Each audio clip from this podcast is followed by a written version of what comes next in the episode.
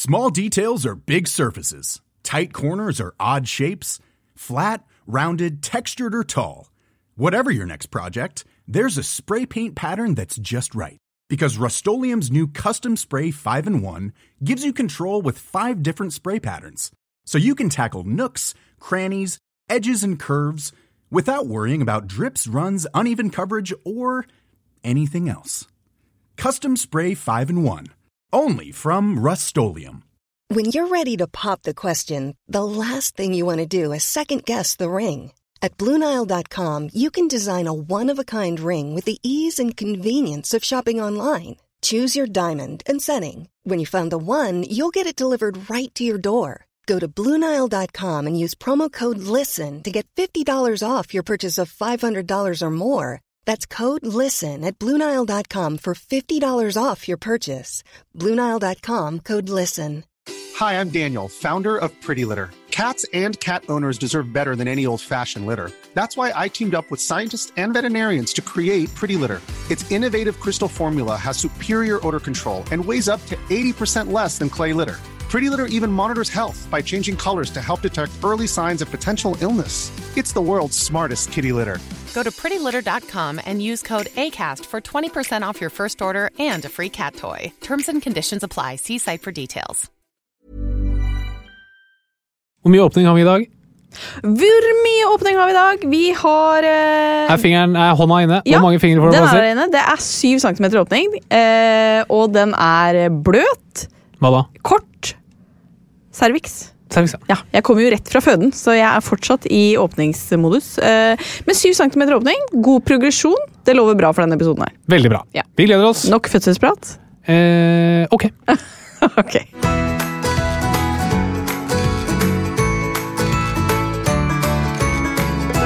Hjertelig velkommen til en ny episode av Åpen journal, folkens. Tusen, tusen takk for det. I dag så skal det handle om eh, et virus, men frykt ikke hvis du er lei av korona. For det er ikke korona det skal handle om. Nei. Nei, det skal handle om et virus som på 80-tallet skapte panikk eh, over store deler av verden. Vi skal snakke om hiv og aids. Spennende. Ja, det tror jeg blir veldig spennende. Og dagens gjest han har vært gjest før, men vi har jo hatt så mange gjester at nå begynner vi å snu bunken. Og invitere de beste. Nei da. Men vi inviterer uh, hyggelige folk, uh, enten de har vært her før eller ei. Og Thomas Numme han har nok mer å by på også i dag. Og så var vi nylig og så han på Folketeatret. Mamma Mia, Ja. det stemmer. Eller ikke nylig, da, men eh, litt før jul. Ja, Og det var veldig gøy. Og veldig bra. Veldig bra. Han var veldig flink. Ulrikke, hun blir man jo forelska i. Å, sier du det? Ja. Snakk for deg selv. Ja. Så, uh, men i dag så er det bare Thomas som er gjest. Men Ulrikke er alltid velkommen. Hvordan har du hatt det i det siste, Haraldsen? Eh, jo, takk, bra.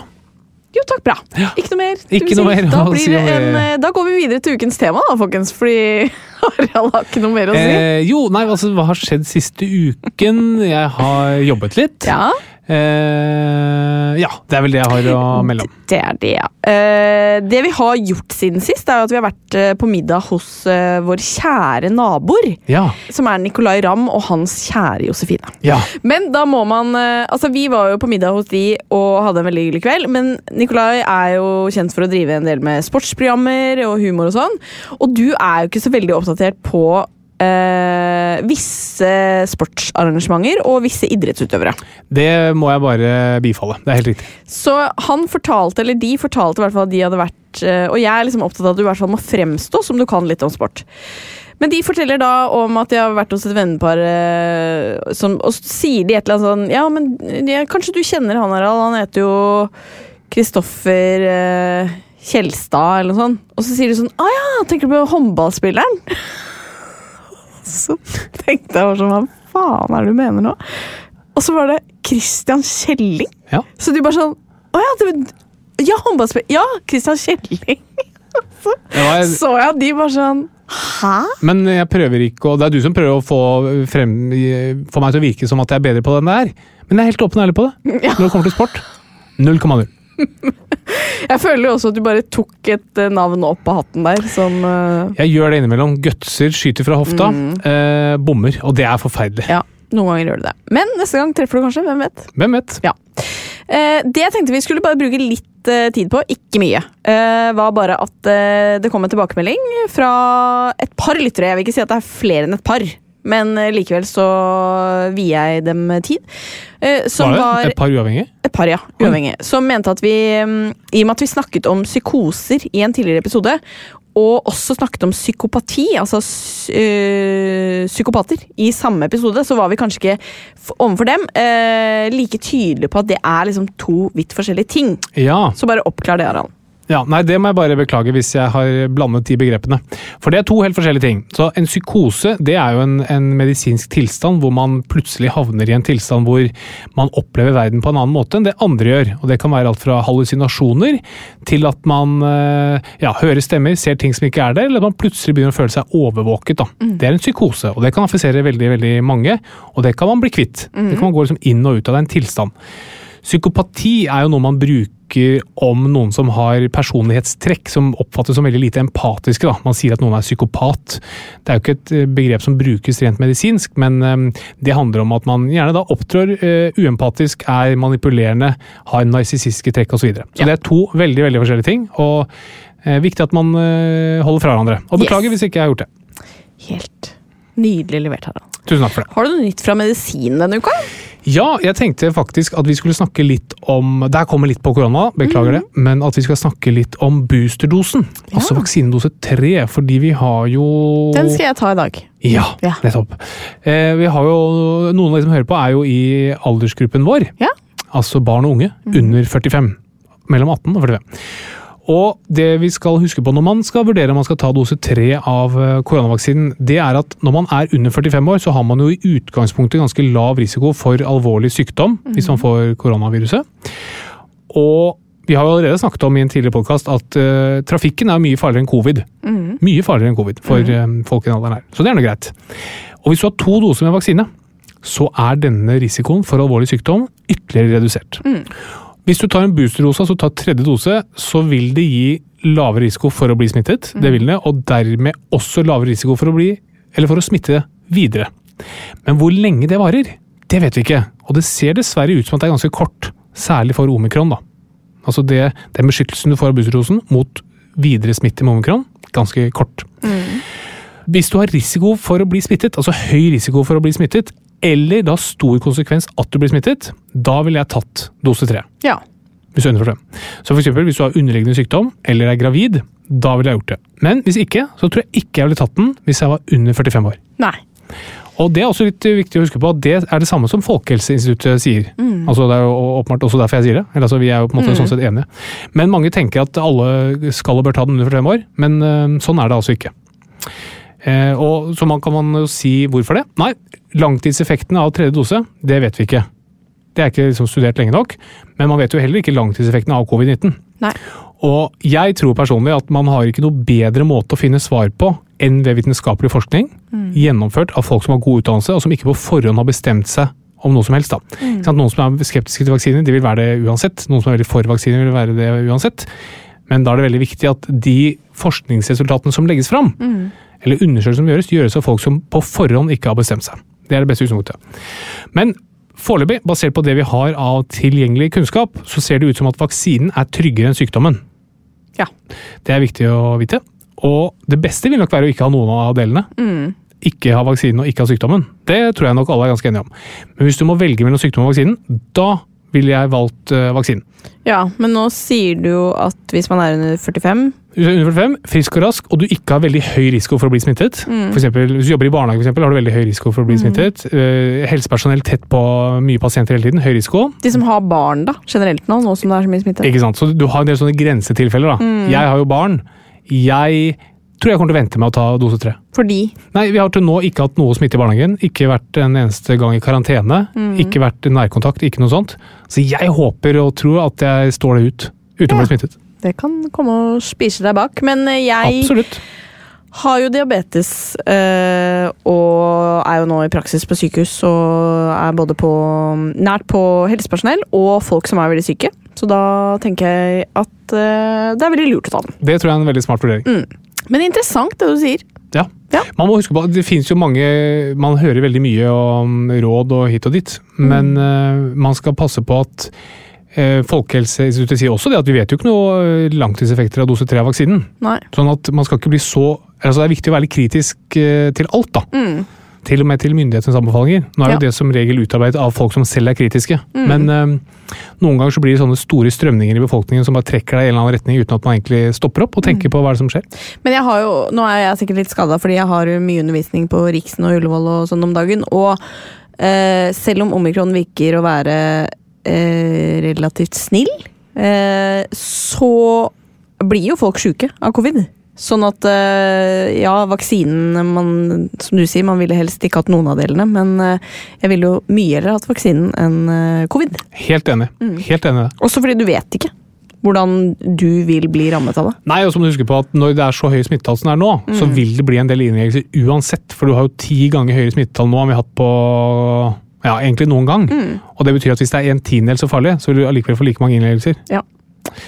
Så nei da, det er vanskelig, veldig vanskelig å vurdere. Så jeg vil bare oppfordre de som hører på dette her, til å innimellom stoppe opp og tenke litt. Og har du ikke tatt noen vaksiner, hva sier du da? Nei, det ville jeg ikke gjort. Nei. Da ville jeg definitivt gått og tatt uh, vaksiner. Og Ja. det er igjen, bare husk på, vi vet ikke langtidseffekten av vaksinen, det er helt riktig, men vi vet heller ikke langtidseffekten av sykdommen. Og foreløpig så tyder alt på at vaksinen er tryggere enn sykdommen. Men at eh, det er potensielle bivirkninger og langtidseffekter av begge to, det, det kan godt være. Men for de fleste så er valget mellom å få um, eh, vaksinen eller sykdommen. Ja. Så kan du si ja, men jeg satser nå på å ikke få den. Ja, men det er fordi jeg har to doser i bånn. Ja, De hadde ikke turt å satse på det hvis jeg ikke hadde noen vaksiner. Takk for uh, medisinsk oppdatering fra medisinsk hjørne i dag. Det var meg en stor glede. Har du noe interessant å fortelle om fra den siste uka? Du, eh, jeg har jo det. Jeg har veldig spennende dager på, på føden. Koser meg veldig der. Um, og der er det også veldig interessant å se hvilke metoder man bruker for å få ut babyer. Ja! Ja. Hva fins? Nei, altså, for dette er jo på et sykehus, Øh, og man bruker jo selvfølgelig de vanlige metodene, som eh, bare vanlig fødsel, og så har du vakuum, og så har du tang, og så har du keisersnitt, ikke sant, hvis sånne ting. Fins også veldig mange forskjellige stillinger, som jeg tenker til et eventuelt neste svangerskap at blir spennende å eventuelt teste. Oi! Ja, det er alt fra at du sitter på do, eh, og Og føder ned i do? Nei, du sitter på do, eh, setter hendene på liksom eh, kanten av doen, eller liksom håndtakene ved siden av. eh, Setter de litt sånn innover, og så får du en krakk eller en stol under, sånn at knærne kommer høyere enn hofta. Ja. Skjønner du hva jeg mener? Akkurat Ja. som at du sitter på huk, bare at du gjør det på do. Det er en fin øvelse. ja. Eller så kan det være uh, at du sitter på en ball. Masse forskjellig. I tillegg så var jeg med på en fødsel hvor jeg ble spurt uh, Det gikk litt trått etter hvert, og det gikk litt treigt. Og da sa de Kan ikke du klemme litt på lilletåa hennes? Og da tenkte jeg sånn, og da sa jeg faktisk Men vil dere at jeg skal hente bongotrommen også? Så bare har vi alt vi trenger, på en måte. Og de lo av det, men jeg, for jeg trodde sånn Nå tuller de med meg siden jeg er ny. Men de driver med akupunktur her også. Og da var det et punkt der nede på lilletåa, eh, til deg som skal føde, eh, som du kan klemme litt på. ja. Og hun fødte, hun fødte. Ja, gjorde hun det? Ja, gjorde det. Så Nei, men jeg plukker opp mye spennende tips på veien. I dag så skal det jo handle om eh, et virus, men ikke da korona, heldigvis. Det skal handle om hiv. Ja. Og det skal handle om aids, så det er jo to forskjellige ting. Eh, Kan du bare forklare begrepene? Hva er det for noe? Eh, ja, det kan jeg gjøre. Når er det du skal begynne å ta disse temadelene, du som snart er lege? Det kan vi snakke om i en annen episode. Hva kan du om hiv og aids? Jeg kan litt, faktisk. Okay. For jeg skal kunne litt om hiv og aids nå. Det skal du. Ja. Hvor lenge er det til eksamen? Det er litt over fire måneder. Okay. Men jeg kan gjerne ta denne, og så kan vi jo krangle om neste. Ja. Så hiv det er et virus, mens aids det er en sykdom. Og hiv, eller hiv, det er et virus.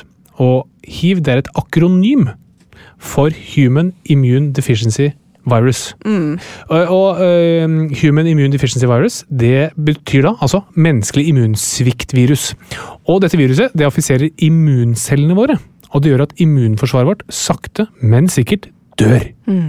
Det er forferdelige, tragiske greier. Aids det er en sykdom, og det er et akronym for Acquired Immunodeficiency Syndrome. Altså ervervet immunsvikt-syndrom. Og det er en tilstand man får når immunforsvaret er så nedbrutt at man begynner å få symptomer på at immunforsvaret er nedbrutt. Og det er f.eks. at du får uvanlige infeksjoner.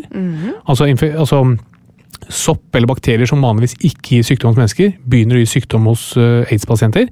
Eller at man får kreft For det er jo immunforsvarets jobb å bekjempe infeksjoner og å bekjempe kreft. Ok, men da har vi fått definert disse mm, begrepene. Hvordan er forekomsten av hiv i Norge nå, og hvordan er den på verdensbasis? Eh, I Norge så er det ca. 7000 som lever med hiv, og på verdensbasis er det ca. 40 millioner. Ok, så det er et stort problem eh, globalt. Eh, hvordan smitter viruset? Ja, så Hiv-viruset det smitter via kroppsvæsker, og det er særlig mye av det i sæd og i blod. Så alt som kan overføre eh, disse væskene gir jo ganske høy risiko. Så analsex, deling av sprøyteutstyr, stikkuhell, blodoverføring osv. er veldig høyrisikosport da, mellom en person som har hiv til en person som ikke har hiv. I tillegg så er fødsel en ganske stor um, risikosituasjon, og amming dessverre også. Ja. Fordi man tenker at da blandes det kanskje med blod og sår på brystvorten, eller er det melken? Ja, altså Det kan skje alt fra før fødsel, under fødsel og etter fødsel. da. Så det kan være Akkurat mengden i morsmelk tror jeg ikke er så fryktelig stor, men det handler vel om hyppigheten og kontakt og sånn. Men det, altså, det er veldig mange Altså risikoen for å få hiv hvis du er født av en mor med hiv, og hun ikke mottar behandling, er ca. 25% Ja, det tenker jeg ikke var så mye. Oh, ja! Nei? Hvis, hvis du tenker at du har um, analsex, Ja. altså du får den i pipa av en som har ubehandlet hiv, Ja. hva tror du risikoen for å få hiv er da? 20. Prosent? Er Ca. 1 Å, Ja. Så det er ikke større. nei. Og hvis du har vaginalt samleie med en som har Er enda mindre, da? Ja, det er 0,1 Oi. Ja. Så hvis jeg hadde hatt hiv, og vi hadde hatt eh, Ubehandlet. ubehandlet hiv, Ja. og vi hadde hatt samleie, Ja. så hadde risikoen for at du ble smittet 0,1 Ja. Men altså, vi må jo likevel da eh, dra litt tilbake til 80-tallet, hvor, eh, hvor hiv-epidemien eh, oppsto og herjet. Eh, Så selv om du da sier at eh, sannsynligheten for å bli smittet egentlig er ganske lav, så var det jo veldig mange menn som ble smittet. Hvorfor var de mer utsatt? Nei, Det er flere årsaker til det, men, men det var særlig mye spredning i det homofile miljøet. Og det som øker risikoen, det er jo mange seksualpartnere. Det er analsex, og det er røff sex. Og der er jo homofile menn eh, mer utsatt. Det er mer utveksling av sæd, det er større risiko for slimhinnerifter eh, osv. Og viruset smitter også lettere fra mann til kvinne enn fra kvinne til mann. Er det da pga. sæden? Eh, ja, altså ved vaginalt samleie så er risikoen nesten like stor. Altså En frisk mann som har eh, vaginalt samleie med en hiv-positiv kvinne, har like stor risiko for overføring av smitte som motsatt. Ok. Cirka. Ja. Eh, så det handler mer om dette med at, at analkanalen er ikke så Den er litt skjørere. Den tåler mindre juling. Mer sårbar for rifter. Er, er en av faktorene. da. Ok. Men eh, hvordan påviser man en hiv-infeksjon, og hvor raskt kan den påvises? Eh, nei, Man tar blodprøver, og det man ser etter da, det er selve viruset. Og så ser man at det er antistoffer mot viruset. Og antistoffer, som du vet, er jo immunforsvarets forsvar mot eh, bl.a. virus. da. Eh, og selve viruset det kan man faktisk påvise i blod gjerne én til to uker etter smittetidspunkt. Men det kan ta opptil to måneder før viruset har rukket å reprodusere seg nok til at man klarer å påvise det. Og antistoffene, som man også måler, det kan ta opptil tre måneder før kroppen har laget nok antistoffer til at det kan måles i blod. Men som en tommelfingerregel så tester vi seks uker etter smitte, og hvis den eh, er negativ, da er man all good. Ok, da er man ganske sikker på at man ikke har det. Yes. Okay. For det er det som gjerne skjer, at du, du stikker deg på en nål eller et eller annet, du er i en risikosituasjon, og så lurer man veldig på om man er smittet, men da tar det opptil seks uker før man kan eh, få eh, tatt en prøve som kan gi det endelige svaret. Men vi har jo nylig sett uh, TV-serien It's a Sin, som skildrer tiden fra da homofile ble smittet på 80-tallet. Og man visste jo så lite da viruset kom, og det var jo flere pasienter som ble stengt inne og isolert fra omverdenen, akkurat som et fengsel. De fikk ikke møte familien, ingen. Uh, og man var jo redd at det smittet ved hudkontakt. Jeg leste også historier om at her i Norge så var det annet mikrobiologiske avdelinger her på sykehus i Norge som nektet å analysere prøver eh, fra de som var mistenkt hiv-positive. Så det var jo veldig mange sånne fordommer og ikke minst mye redsel. Ja. Eh, kan du si litt om det? Altså, det kom jo da et virus som man så hadde 100% dødelighet. Og det er veldig guffent. Ting som har 100% dødelighet, det er skummelt. Og så visste man jo veldig lite om det i starten. Man visste ikke hvordan det smittet. Og det skaper mye frykt, og frykt er alltid en dårlig ting. Og så så man at det var enkelte grupper som hadde mer smitte enn andre, og det kunne bidra til en stigmatisering også av den gruppen. Og på den tiden også var jo ikke homofili Det var jo som i en del kulturer ble sett på som noe skittent og urent og ekkelt. Så det var jo, de la jo stein til en byrde som allerede var litt eh, tung. Men man kan jo forstå at når man ikke vet noen ting om hvordan det smittes, eller smitter, så vil man jo ta alle forhåndsregler som mulig. Og så gikk det dessverre utover både pasienter og pasienter, eller personer som man antok kunne ha denne smitten. Så det er et eh, stygt kapittel. Ja. Hva er symptomer på at man er smittet, da? Som regel så merker du ikke symptomer på at du er smittet av hiv. Cirka halvparten vil få sånn feber og halsvondt og hovne lymfeknuter og sånn, noen uker etter at man er smittet, som går over. Og det kan være hva som helst, da. Alle har jo noen sånne runder i løpet av et år. Ikke med hiv, men med andre ting. Altså halsvondt og feber. Så man merker egentlig ikke noe før hiv-viruset har drept så mye av immunforsvaret at immunforsvaret i seg selv ikke virker godt nok. Og det man da merker, det er at du får infeksjoner med bakterier eller sopp som vanligvis ikke gir infeksjoner. Og det som er ganske vanlig, er jo at man blir innlagt på sykehus med en lungebetennelse. Og så tar man prøver og ser hva er det som gir lungebetennelse. sier man, Jøss, du skal jo ikke ha infeksjon med den soppen her. Nei. Her må det være noe gærent med immunforsvaret ditt. Så tar man prøve og ser etter hiv, og vips, der var den. Hvor fort snakker vi at dette skjer? Eh, nei, det, det tar eh, Jeg tror gjennomsnittet er sånn ti år. Men det kan ta mm, noen få år, så kan det ta opptil flere tiår før det skjer. da. Ok. Eh, og hva skjer da, hvis pasienten utvikler aids? Nei, så Først sant, så får man denne smitten, man får øh, vondt i halsen og feber og sånn noen, og så bare surrer og går. Da ligger det hiv-viruset inni kroppen og reproduserer seg og dreper immuncellene dine én etter én. Og Da merker du ikke så mye. eh, og så er det jo det at eh, du får da her, eh, disse infeksjonene, det vi kaller opportunistiske infeksjoner. Altså bakterier og sopp som vanligvis immunforsvaret veldig enkelt klarer å bli kvitt. Vi merker ikke noe til det.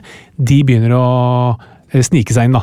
Så man kan få hyppige soppinfeksjoner, sopp i munnen osv. Eller man kan få uvanlige krefttyper, som de fleste ikke får, fordi immunforsvaret klarer å bli kvitt det ganske fort.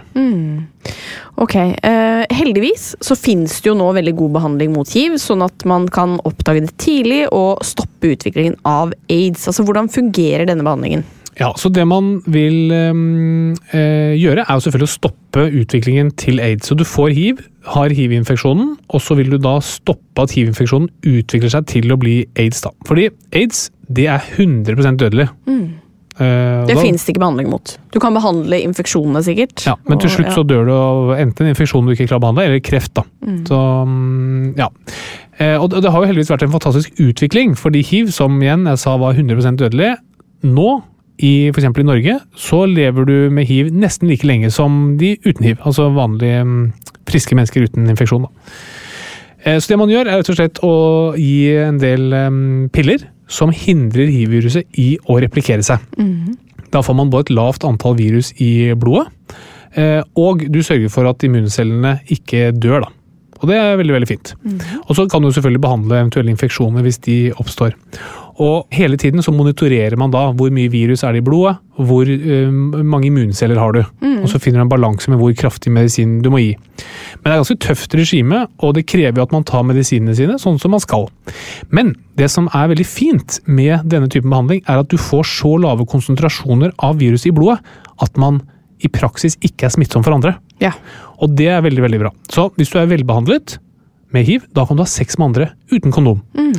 Og du trenger faktisk ikke engang å informere om at du har hiv til sexpartnerne. Hvis man vet at man er godt behandlet. Og det er det legen din som forteller deg, da.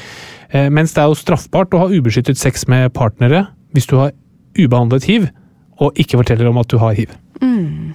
Men man har jo også behandlinger som kalles PEP og PREP. Hva er det? Ja, PEP og PREP det er medisiner som man kan ta for å redusere risikoen for å selv bli smittet av hiv. Altså det er medisiner du tar uten å ha hiv, men, men eh, for å redusere risikoen for å få det. Så PEP det er et akronym som står for posteksponeringsprofilakse. Profilakse det betyr, det betyr beskyttelse, og posteksponering betyr jo da at du er utsatt for noe allerede. Så PEP det er en medisin man kan ta hvis man har vært utsatt for hiv.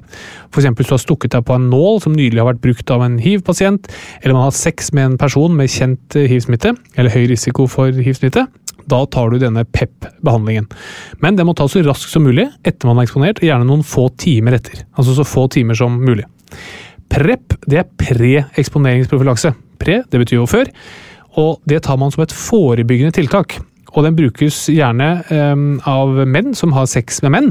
Fordi når du bruker dette middelet, så kan du da ha i hvert fall i teorien, sex med andre mennesker som har ubehandlet hiv, uten at man selv får det. Men er det sånn at man da må ta prep hele tiden? Eller er det sånn du gjør før helgen hvis du vet du skal uh, ha deg? Ja, så det, det, kommer litt an på situasjonen. Du kan ta det bare i forkant av uh, ting som skal skje, men, men, mange bruker det også fast, for da slipper du å tenke på det, slipper du å planlegge det, og så mm. kan du ha sex med hvem du vil, uten å ha risiko, eller veldig, veldig lav risiko for å få hiv. da. Mm. Men det er mange andre kjønnssykdommer du kan få. Ja, det må vi ikke glemme. Så det er viktig å huske. Så det har skjedd mye med, på behandlingsfronten. Det som også har skjedd, er jo at FN har som et av sine bærekraftmål å stoppe hiv-epidemien innen 2030. Kan du si litt om det målet? Ja, det er altså at FN har et mål om å, å senke antall tilfeller eh, av hiv på verdensbasis, og sørge for at færrest mulig får aids. Og det har de klart ganske bra. Altså Tidlig i 2000-tallet så var det mer utbredt enn det er nå, i form av antall nye smittetilfeller og hvor mange som går fra hiv-infeksjon til aids. da.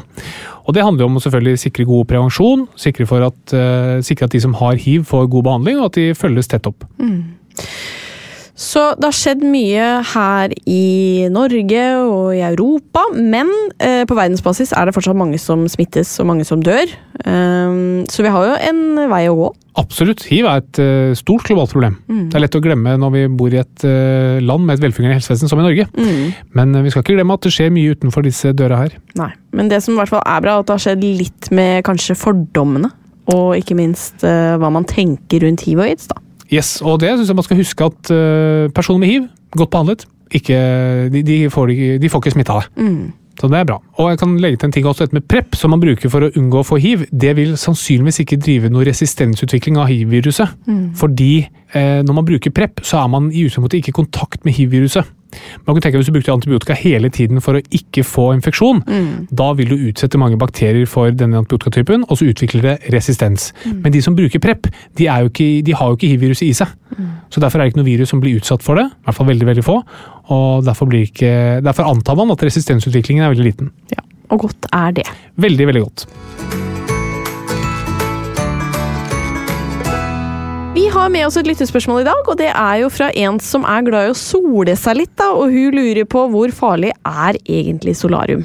Eh, ja, altså og, og, nøyaktig hvor farlig ting er, det er ganske vanskelig å finne ut av. Og jeg må si jeg personlig har blitt litt tøffere å snakke rundt risiko i de senere årene, fordi det er veldig vanskelig. Jeg tror ikke folk klarer å forholde seg til risiko. Altså hva, hva er farlig? Eh, og for eksempel hvis du røyker, da, da alt annet blekner i forhold, da, sånn risikomessig. Så det kan være et viktig mm, prinsipp å huske på. Men solarium dessverre øker risikoen for hudkreft, og det gjør også at du får mye mer rynker enn hvis du ikke bruker solarium og ikke er i sola generelt. da. Og solarium er jo som en, det er som å være ute i sola, bare litt kraftigere. I hvert fall De fleste solarium har en, eh, et opplegg som gjør at du får litt andre stråler, altså samme stråler som fra sola, men i litt annet forhold og vil øke risikoen for hudkreft. Og hudkreft det er en forferdelig skummel krefttype å få. Så jeg vil anbefale ingen å bruke solarium, og alle å bruke solkrem ute i sola. Og, altså, Jeg er bleik som bare det, og jeg har tatt masse solarium da jeg var ung, som jeg selvfølgelig angrer bittert på nå. Men uh, bruk heller uh, selvbruning, eller aksepter at du er bleik hvis du er bleik. Det har jeg begynt å gjøre. Og du står i det? Jeg står i det. Du står i det.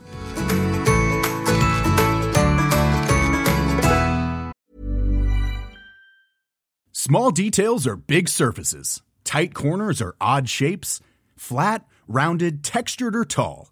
Whatever your next project, there's a spray paint pattern that's just right. Because Rust new Custom Spray 5 in 1 gives you control with five different spray patterns. So you can tackle nooks, crannies, edges, and curves without worrying about drips, runs, uneven coverage, or anything else. Custom Spray 5 in 1 only from Rustolium. Ryan Reynolds here from Mint Mobile. With the price of just about everything going up during inflation, we thought we'd bring our prices down. So to help us, we brought in a reverse auctioneer, which is apparently a thing. Mint Mobile unlimited premium wireless. Have to get 30, 30, bit to get 30, bit to get 20, 20, 20, bit to get 20, 20, bit to get 15, 15, 15, 15 just 15 bucks a month. So, Give it a try at mintmobile.com/switch. slash $45 up front for 3 months plus taxes and fees. Promo rate for new customers for limited time. Unlimited more than 40 gigabytes per month slows. Full terms at mintmobile.com. Hey there, it's Michelle Norris. I'm host of a podcast called Your Mama's Kitchen. When I travel, I'm usually looking for a way to find a taste of home when I'm not at home. And one of the things I love to do when I am at home is entertain. And Airbnb allows me to do that. When I was in California recently, I rented a house that had a great kitchen. And when we were sitting around the table, we're all thinking, we're in someone else's house. Someone could be in all of our homes as well. If you have a home, but you're not always at home, you have an Airbnb. Your home might be worth more than you think. Find out how much at airbnb.com/slash host.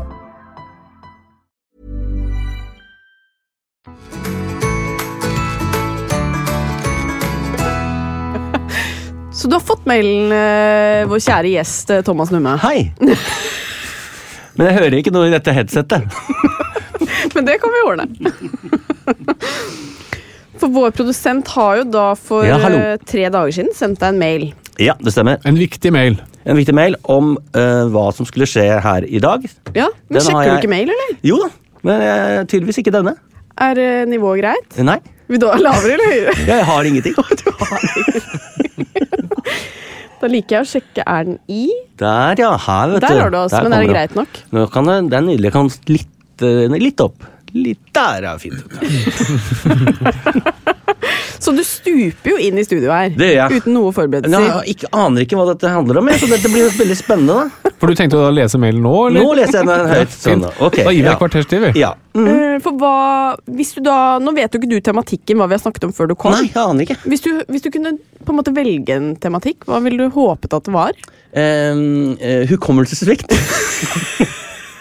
For det trenger du litt hjelp med. Det er jo langt ifra det vi har snakket om. Eh, vi har jo snakket om hiv. Ja. Det kommer litt brått. Og tror du da, tror du da er tilfeldig at det er du som kommer? ja, det håper jeg da. Ja. eh, at det er. Ja, det er veldig gøy at det er litt sånn tatt på senga med hiv. Ja. Um, men vi kan snakke om hukommelse òg. Absolutt. Har du noen enkle grep? egentlig? Jeg trenger også det. Jeg føler faktisk at jeg har slag annenhver dag nå. Det føler jeg òg. Ja, At du har.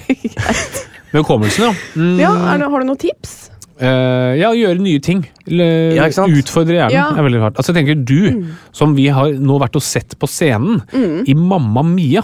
Ja. Det var et imponerende stykke arbeid. ja, tusen Ja, det var takk. det. Blant annet Det av deg. Ja, men Kanskje særlig av deg. Ja, Så hyggelig. Ja. Du hadde ikke forventa det, kanskje? Um, nei. Nei. Jeg hadde ikke forventa det skulle være så bra. Ja, men Det er faktisk en ny, helt ny ting som du, Det er sant, du, du, du trigger jo hjernen da. Ja. Hjelper, det hjelper på det. Ja. Men så er det nå som det er en litt sånn ny lockdown. Ja. Da blir jeg litt sløv, jeg skjønner. Ja. Og jeg går litt i dvale. Ja. For jeg kan jo egentlig tenke meg at eh, gjennom Mamma Mia så har man gått litt Og du har 71 grader nord, altså du har gått litt ned i vekt. Ja, Det må jo ja. være mye sunne ting som egentlig har skjedd med deg. Det er det, altså. Ja. Og så var det lockdown. Har du henta vekta inn igjen, eller? Ja, eh, jeg, har ikke, jeg er ikke helt der oppe som jeg var før eh, 71 grader nord, men, eh, men jeg er oppe, ja. Du nærmer deg. Ja, jeg er oppe, ja. Det er jo tross alt Jeg har vel jul. Ja, for jeg føler du, du og jul, det er en uslåelig kombinasjon. Altså, greia er at Jeg går fra sånn godteriskål til godteriskål. Jeg nekt, fornekter meg ingenting. Nei. Eh, jeg nyter livet. Ja. Virkelig. Ja. Så jeg, jeg, og så får vi heller ta, ta støyten når januar kommer. ja. Mm. Men nå er jo januar, Ja, men jeg kom litt brått på. så du tar det når februar kommer. Ja. Ja. Ja, men jeg tenker nå, i hvert fall når du Altså Også opp på scenen på Mamma Mia. Det er mye hopp og sprett og tjo og Ja, det er det, altså. Så der må Ja. jo virkelig kroppen få kjørt seg. Absolutt. Jeg merker det. Og de er så spreke, de unge folka der. vet du. Man Ja. må prøve å følge dem. vet du. Ja. Men, Det går jo ikke, det, men allikevel. Det, det hjelper på allikevel. Fordi du har jo vært gjest før, Ja. men de veldig gode gjestene de inviterer vi igjen. ja, så hyggelig! Så Ja, jeg ble ordentlig glad av det. Ja, så hyggelig. Men jeg venta på en mail som jeg aldri fikk, trodde jeg. Den har jeg fått. Det er første gang vi har en gjest to ganger. Så det er, det. Ja, det det. Så koselig. Så det er veldig hyggelig for Ja. deg. Eh, og for oss. Og vi fant vel ut at jeg var her dagen før første nedstenging. Ja. 11. mars 2020. Ja, tenk det. Så da var jo det rett før det smalt. Men, eh, og da snakket vi med deg om um, at du akkurat hadde fylt 50, Ja. og at du hadde levd som det var en ny russetid. ja. Hvordan er du nå? Eh, ja, det er fortsatt litt russetid innimellom. Det, det er det jo. Men jeg, jeg har, ja, ja, men jeg har jo eh, Ja, som sagt, jeg har jo vært mer i aktivitet enn jeg Mm. Jeg har vært sprekere. Jeg har passa litt bedre på meg sjøl, faktisk. Så bra. Ja. På bakgrunn av rådene du fikk her, eller andre Ja, ting? det vil det vil jeg si. Også, Men også kraft at du har en jobb du må bevege deg i. Mm. Det hjelper jo, det. Ja, det er jo veldig bra. Mm. Stemmer det at du også har hatt noe ribbeinsbrudd? eller noe? Det stemmer. Hva har skjedd? Det, er, det, det, var også, det var en dans Eh, Å. jeg dansa oppå bordet. Å ja, men ikke i Mamma Mia? Nei da, hjemme Privat? i et fårikål med alle, alle var åtte stykker over 50 år. alle sammen. Nei.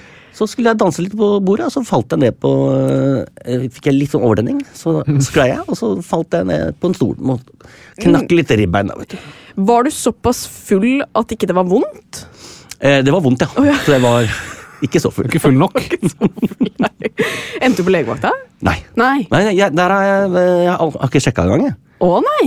Du tar det på egen jeg tenker jo at det er jo altså, Ja, det, er for- ikke noe det er ikke noe å gjøre med. Ikke sant? Hvilken undersøkelse tar man for å påvise et drivhetsbrudd? Studien Flatland? Eh, ja, altså Hvis man gjør en undersøkelse, tenker du på? Er ikke det en Jo, det er klinisk. klinisk diagnose? Ja. Ja. Mm. Så den har han tatt sjøl? Ja. Mm. Vondt å hoste, Ja. vondt å le. ja.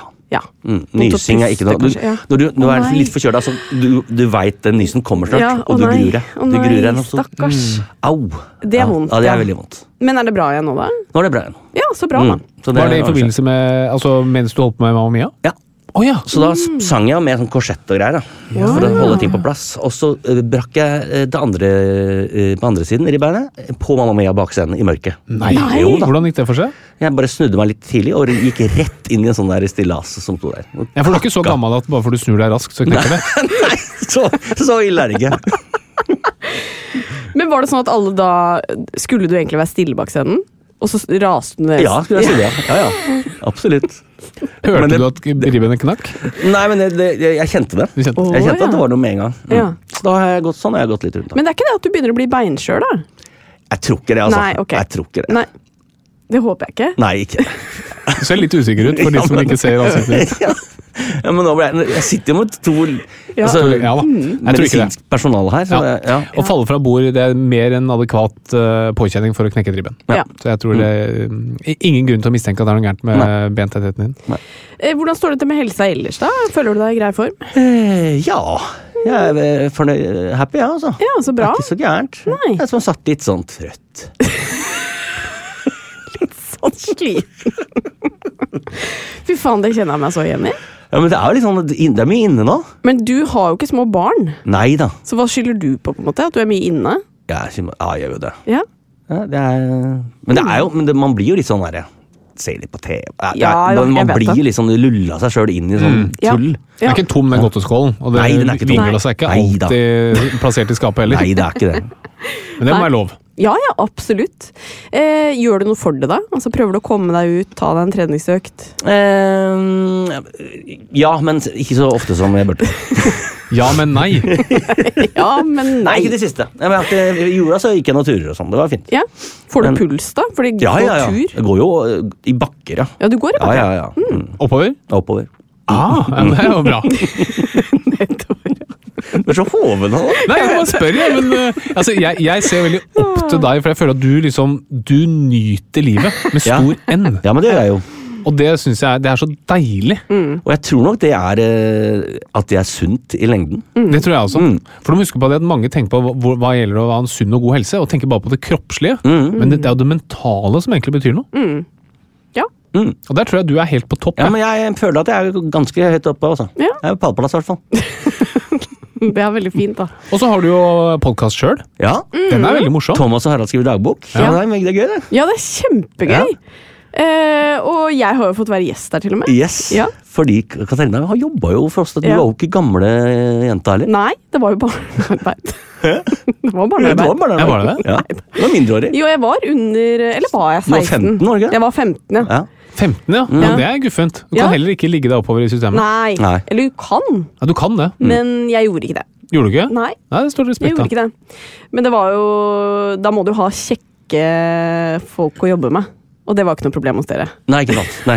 Nå trodde jeg at du måtte kjekke folk for å ligge deg oppover. Nei. Og at det var det som og Det var sånn skjult. Ja, men altså, 15 er 15 år siden, da var du 35. Det er jo den ideelle alderen. Ja, ja, ja. Mm. Men du, du holdt øh, Snurrebassen i Østersen lukket? Nei! Nei! Er det ikke det det heter på ungdommen? Det har du aldri Det er en ekstrem vestkantmåte å si det på. Ja, jeg skjønner det. Hva skal vi si? da? Holdt uh, slufsa igjen? Ja. Det ville vært mer uh, østover i byen. Kjellerlemmen på gløtt. Åh, nå fikk jeg eh, Men jeg fikk veldig lyst på østers. Er det lov å si? Og da, I hvilken forstand? Nei, på østers. Østers, østers. Okay. Østers er veldig godt. Ja, men jeg må ha noe vinagrett og sånn. Jeg kan ikke ha bare saltvanns. ja. Ikke bare litt sitron? Nei, nei, det er for lite. Det må være noe, det må være noe spice der Å nei. Ja. Fikk ikke du? Jo, ba, jo. I både den overførte og den Eh, Nei, kun i direkte betydning. Ok. Hva ville du kalt hvis du skulle kalle Slufsa eller Østersen for noe? Har du noe kreative Jeg, eh, Bor ikke du vest i Oslo, da? Du slår meg som Nei, jeg bor på øst, ja. Hvor bor du hen, da? Bekkelaget. Bekkelaget. Ja, ok, men uh, Ja ja. Ja. Nordøst, da. Ja, ja. Ja. ja. Sør. Sør. Øst. Ja, ja, ingen geografi jeg kan jeg ikke. ingen peiling. Men hva ville du kalt den? Eh, Nei Dæsken, her kan jeg Jeg burde lest den mailen, merker jeg. For dette sto jo der. Ja.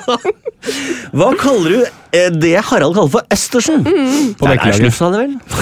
På Bekkelaget. Slufsa er jo helt forferdelig. Ja, det er det. Ja, det er helt forferdelig.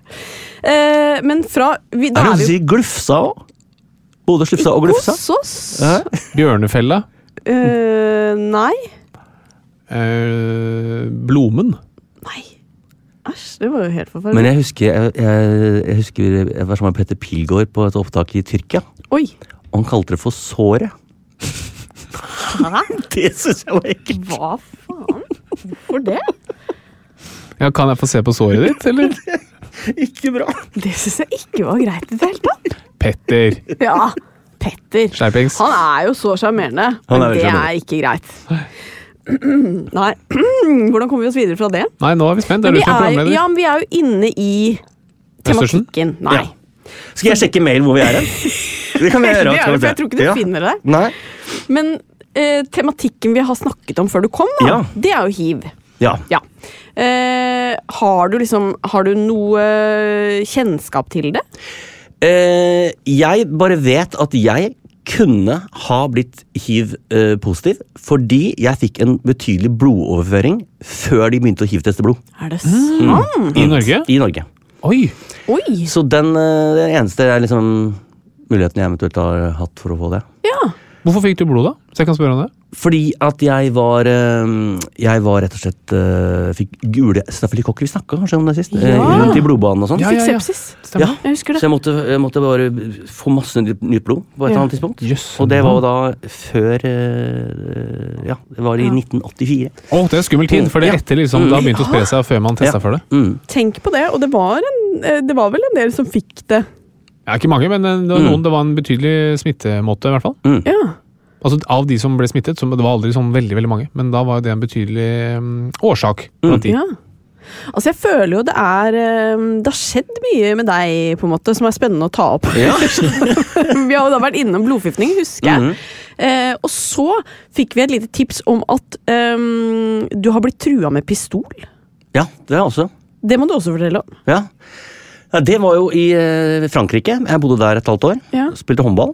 Og så gikk jeg alene hjem på eh, en kveld hvor eh, eh, På hovedveien, så det var, førte, liksom, det var trafikken og noen biler som I Frankrike, hovedveien i Frankrike. Hoved, hovedveien i Nis. I Nis. Den ene veien. Eh, og så Og så plutselig står det en fyr der som er litt rar. Han står og tisser midt i gata. Så jeg tenkte, «Å, han skal bare gå litt fort forbi. Men så rakk han liksom å stoppe meg og spurte om jeg hadde en røyk. da. Eh, og det hadde jeg jo ikke. For det gjorde jeg ikke. Eh, og så spurte han om jeg hadde noe hasj. Det hadde du. Eh, det hadde jeg heller ikke. og så dro han fram en gunner og bare kjørte opp i Oi. halsen min og sa 'har du noen penger'? Og det hadde jeg heller ikke. Oi! Jeg hadde ikke noen ting med meg. Eh, og da, da ser jeg at han har sånne speedball-øyne. Mm. Han er ikke her eh, i det hele tatt. Nei. Så han rett og slett da. Han eh, skal ha skjorta mi. Og da eh, går jeg en sånn derre Da har jeg lest en sånn, sånn kidnappingssak. Uh, rett før Lesja-saken, husker du den? Ja, det er lenge siden. I hvert fall. Det var sånn, hvert fall da tenkte jeg at eh, jeg måtte si at jeg er et menneske. Så han skjønner at dette Oi. her er Det er ikke Oi. bare noe han Jeg går tapt for noen. Ja, ja, ja. Så jeg sa rett og slett til han den skjorta får du ikke, for den har jeg fått av kjæresten min. Ja. Å ja, du skal ikke si eksplisitt 'jeg er et menneske', men du må få han til å skjønne at du er et menneske. Det tenkte jeg. Ja. Men, så jeg nekter han- Jeg står med en pistol inn i halsen. Eh, og nekter han det han vil ha. Ja. Det er Det er tøft. veldig rart. Ja, det er tøft Ja, jeg ville jo tenkt tvert motsatt. Ja. Gi den skjorta, Så da. det han gjør da, da tar han tak i meg, og så skaller han meg ned. Uh, og da blir jeg helt perpleks, så da står jeg bare, og blodet bare renner, jeg. Oi, Og så kler han av meg. Uh, først jakka mi, og så knepper han opp skjorta. oi. Og så tar han skjorta, Oi. og så går han uh, av gårde. Og så, uh, og så blir jeg Da blir jeg, helt, jeg blir stående helt stille. Og så kommer han tilbake, og så gir han meg en bjørneklem. Nei. Og så sier han 'I'm so sorry'. Nei. Og så går han igjen, og da løper jeg. Altså så fort uh, oh, og så lenge som jeg aldri har løpt før. Å, fy fader. Så det Oi, oi, oi. Det var skikkelig guffent. Ja, det er guffent. Mm. Men dette er jo sånn man sikkert spiller av i hodet sitt mange ganger. Ja. Sant? Skulle jeg, hva skulle jeg gjort? Mm. Men eh, det gikk jo bra. Det gikk jo bra, og eh, jeg hadde litt sånn der Hver gang jeg gikk forbi det stedet, Mm. så fikk jeg sånn støkk i magen, selvfølgelig. Mm. lenge- lang tid etterpå. Men jeg bare jeg er så forundra over hvordan hodet funker. At, Mm. det, at jeg tenker den tanken der, liksom. Jeg skjønner ikke det. Utrolig. Men, men eh, ble han tatt, han røveren? da? Nei da, det tror jeg ikke. Han går rundt i nye skjorte og Ja, ja, han har den flotte skjorta. Men, eh, men eh, det, jeg må jo si, det er også utrolig hvor fort man klarer å tenke. Ikke sant? Du klarer å tenke på en kidnappingssak du har Mm. lest litt om. Ja. Og her, man rekker mye. Ja, det rekker veldig mye, altså. Men eh, hvordan gikk det i etterkant, da? Var det helt uproblematisk? Ja, så har jeg, jeg var jo litt sånn ja, shaky en stund etterpå, men så ja, så tro, Men jeg vet ikke, jeg, jeg kikker meg litt rundt nå. Jeg er nok litt sånn mer forsiktig enn jeg kan, Ja. ville vært fortsatt? Ja, jeg tror det. Hvor, Når var dette her, da? Dette er jo 1991 eller noe sånt. da. Det er Ja, lenge siden. 30 år siden. Tenk Men, det, jeg er ja. litt- men det er liksom, det var liksom litt mer Men du har Tror jeg. opplevd det, fordi du vet, Man kan jo se på film, og så lurer jeg ofte på hvordan jeg hadde på en måte taklet å stå i en veldig krise. mm, Eh, og det har jo du da gjort, mm. og klart. Ja. Du klarte å holde hodet kaldt, du, egentlig. Ja, rett og slett. Eh, en eller annen, men, eller om det var det. Men, eller kanskje bare hadde flaks. Ja. Jeg vet ikke. Nei. Jeg vet ikke om det var riktig valg. jeg. Men er du rolig i situasjoner hvis det skjer noe? Vanligvis ikke, nei. Jeg er jo en engstelig type. Så jeg, jeg, og stressa og Ja, ja, nei da. Ja, men akkurat der så da fant jeg jo roen, da. Ja. På et annet nivå. Ja, det var imponerende. Men det er det der med at du sier at man, man er liksom alltid eh, litt eh, mer på vakt. Mm. For det er jo noe med at plutselig så ser man altså Hvis man ikke har opplevd noe sånt, så tenker man kanskje at verden er ikke et sånt sted. Men etter man har opplevd det en gang, så tenker man at da, sånn er verden. Dette fins, dette kan skje. Ja, ja. Og det er en litt sånn kjip dør å ha åpnet opp, fordi man, eh, man vet alt som kan gå galt. Eh, men siden sist du var her, da, så har Ja. du også blitt litt eldre. Det har jeg! Jeg vil si ca. to år, da. Ja, Ja. det er riktig. Ehm, har, har det endret seg nå? Altså, er, det, er det ting du er redd for nå som du ikke var redd for før? Når det kommer til sykdom, helse?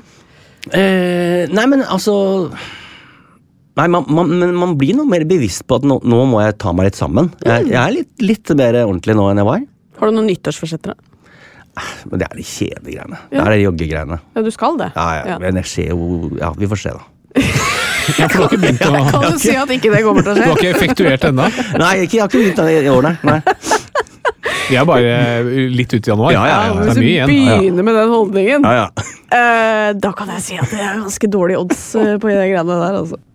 Eh, men du virker jo Du sier jo at du er litt sånn engstelig, men jeg syns du virker avslappa til helsa di. Altså, Googler du? Hva er det siste du googla? Uh, hva er det siste jeg googla sånn medisinsk, ja? Det, var, det var nok Jo, for jeg har hatt eh, Det var tannverk. Oh, det Jeg har hatt, jeg har hatt rotfylling. Eh, og det, du, det er en smerte som jeg ikke Ja. har kjent før. Jeg Ja. aldri hatt det før. Og det er som om du har nesten lyst til å dø. Ja, ja.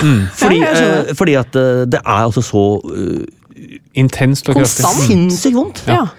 Så det, jeg var på sånn tannlegeakutten på nyttårsaften klokka halv fem. ja, for det skjer jo selvfølgelig da. Ja, det skjer da. Ja, ja, ja. Eh, og da var det altså eh, sånn at jeg måtte, jeg måtte ha noe kaldt. Jeg hadde en Cola Zero-boks. Jeg, måtte- jeg måtte ha noe kaldt å legge på tanna. ja. Eh, da da dempa det seg noe. ja. Ja.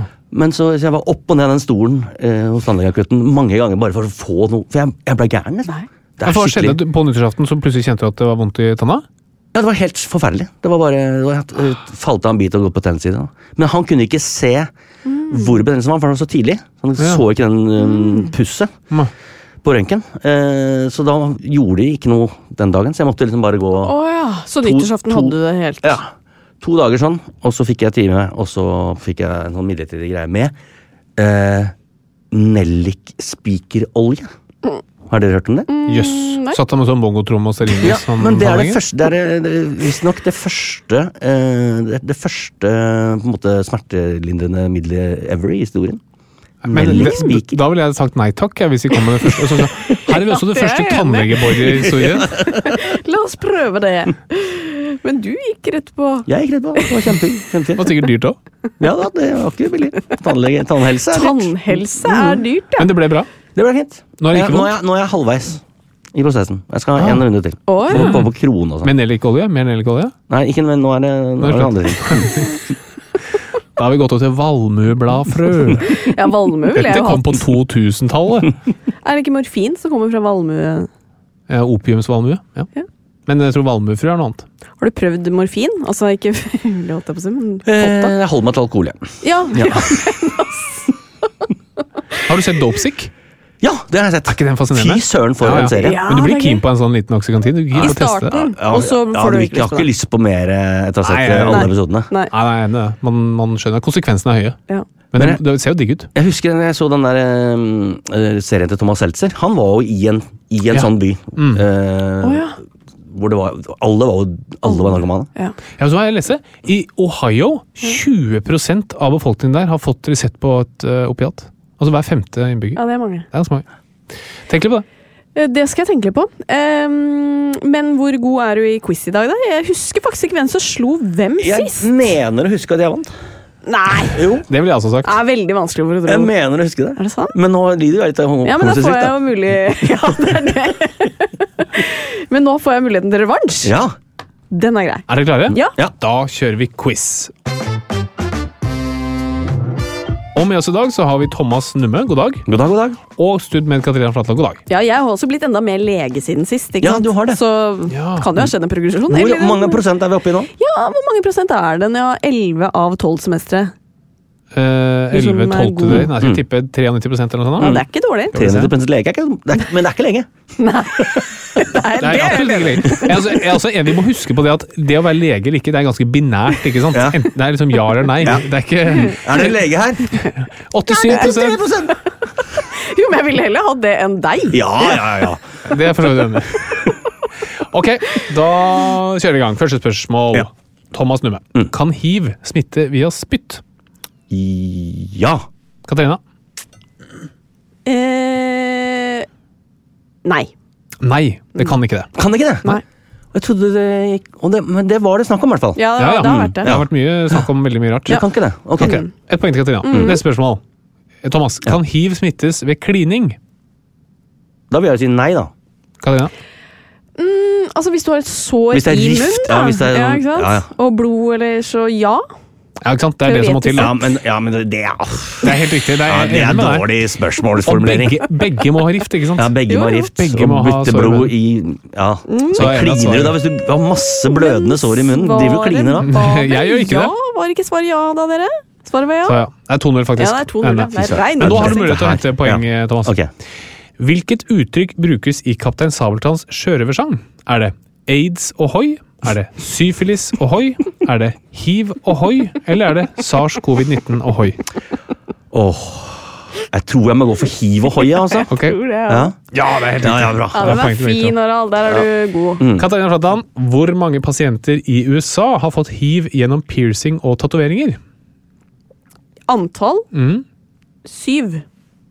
Mye greier der borte, er det ikke det? Hvor mange pasienter i USA har fått hiv gjennom piercing og tatoveringer? Skal jeg da svare ingen, da? Ok?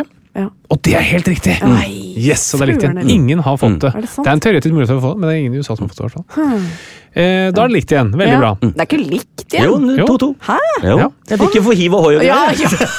Du kan, kødder du nå? Nei, kødder ikke. Å, fy faen. Og det her har, tror jeg Thomas har best forutsetning, fordi han levde mest på den uh, tiden. 1800-tallet? Eh, ja. 1711. Ja. Katarina, eh, du kan få svare først. Hvilken politiker var helseminister under aids-epidemien på 80-tallet? Ok, Thomas. Altså, Gro Harlem Brundtland har ikke vært helseminister? Hun er i hvert fall lege, men jeg vet ikke om hun har Ja, helseminister. jeg sier Gro Harlem Brundtland. Mork. Hiv Jensen. ja, den er gøy. Nei, Nei, jo, den er morsom. Men mest morsom fordi ingen får poeng. Ikke sant? Ja. Det er likt, så husk på det. Ja. Men hvem var helseminister på 80-tallet? Ingen peiling. Torbjørn Mork? Kan være. Em, Thomas, hvor mange mennesker har dødd av hiv og aids i verden til nå? Og det er og, mm, millioner. Men hvor mange? Som har dødd til nå. Ja. Det er jo ikke så mange som dør lenger, da. Men den Hvor mange? Ti millioner. Katarina? 20 millioner. 32 millioner. Yes! Ja, altså, ikke yes for det. For det! Det er upassende. er veldig Det er upassende. svært upassende. Men hvis det først har skjedd, Ja, så er det lov å glede seg over at jeg i hvert fall fikk poeng. ja, det er sant. Det er riktig. Eh, Katarina, hva kan hiv-pasienter bruke for å forhindre dårlig ånde? Hva heter sånn spray? Sånn Du, du, munnspray? du spør nå konkurrenten din? Hiv-spray Nei, altså hi Nei, har du Pass. noe morsomt? Det er et ordspill her. Det er et ordspill her, ja. Eh, nei, ta, men nei. Munnsprayds. Faen, jeg var Du jo var der. veldig var var nærme. jo Du der. var veldig nærme. Siste spørsmål her. Det er helt likt, så det er veldig spennende. Det kan ikke være likt fortsatt. Jo, Hei, Numme. Hva kalles den internasjonale bestselgeren til forfatteren Stiff Cock, som kom ut i 1969? Stiff cock.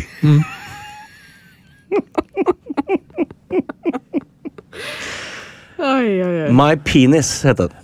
Katja? Ja. Fifty Shades of Aids. Jeg vant den her. Nei. Jeg gidder faktisk ikke. Jo, det går til Det er så mye tull og tøys. Thomas Numme får den. Han får for hive Jo, han hadde- ohoi! han hadde- Jeg kunne jo ja. hiv ohoi. Ja, men du gikk raskt nok. Ja, jeg takker for seieren, jeg. Altså, jeg tar imot alt jeg kan. Ja, Ja. det skjønner jeg. Det skjønner jeg veldig godt. Uh, og jeg får gratulere med det. Uh, men før vi avslutter, så pleier vi Men du vi å unner meg den ikke. Hun unner ingen andre. Og hvis, hvis det er mulig at du hoster på deg, eller ler på deg et lite ribbeinsbrudd til nå, Ja, så unner jeg deg faktisk det. ok. Ja. Det er alltid hyggelig å være her. Før vi avslutter, så får vi da alltid et tips til Bernhard. Du har jo mest sannsynlig gitt eh, tipset før, da. Men uh, har du flere tips til hvordan Bernhard kan bli en uh, fin fyr? Hmm. Ja. ja Han har jo så fine foreldre. Det er helt riktig. Så uh, det skal mye til for at det skal gå gærent. Det er helt riktig. Så han må høre på foreldrene sine. Takk. Og mest på mamma. Og det tar jeg ikke stilling til. Nei, men det er bra tips. Hør på foreldrene dine, Bernhard. Ja, det må du gjøre. De vil deg vel. De vil deg vel. vil vi. Det vel. vil vi faktisk. Og så gleder jeg meg til du kommer neste gang. Ja, tusen takk. for Det Det blir neste gang òg, Det blir Ja, ja. det neste Ja, gang. selv om jeg har slått deg to ganger nå? Ja! Da vil jeg må bare snakke litt med Harald om uh, nivået på den quizen. For jeg synes det er helt Ja, det er veldig høyt nivå. Er Helt tullete. Tusen hjertelig takk, Thomas. Uh, vi er tilbake neste uke. Det er vi. Ha det! Ha det! Ha det. Plan B. Small details are big surfaces. Tight corners are odd shapes. Flat, rounded, textured, or tall. Whatever your next project, there's a spray paint pattern that's just right. Because Rust new Custom Spray 5 in 1 gives you control with five different spray patterns. So you can tackle nooks, crannies, edges, and curves without worrying about drips, runs, uneven coverage, or anything else. Custom Spray 5 in 1. Only from Rust Planning for your next trip? Elevate your travel style with Quince. Quince has all the jet setting essentials you'll want for your next getaway, like European linen, premium luggage options, buttery soft Italian leather bags, and so much more. And is all priced at 50 to 80% less than similar brands. Plus, Quince only works with factories that use safe and ethical manufacturing practices. Pack your bags with high-quality essentials you'll be wearing for vacations to come with Quince. Go to quince.com slash pack for free shipping and 365-day returns. This message comes from BOF sponsor eBay. You'll know real when you get it. It'll say eBay Authenticity Guarantee. And you'll feel it. Maybe it's a head turning handbag, a watch that says it all, jewelry that makes you look like the gem, or sneakers and streetwear so fresh every step feels fly. eBay gets it. So look for the blue check mark next to that thing you love and be confident that every inch, stitch, sole, and logo is checked by experts. With eBay Authenticity Guarantee, you can trust that feeling of real is always in reach. Ensure your next purchase is the real deal. Visit eBay.com for terms.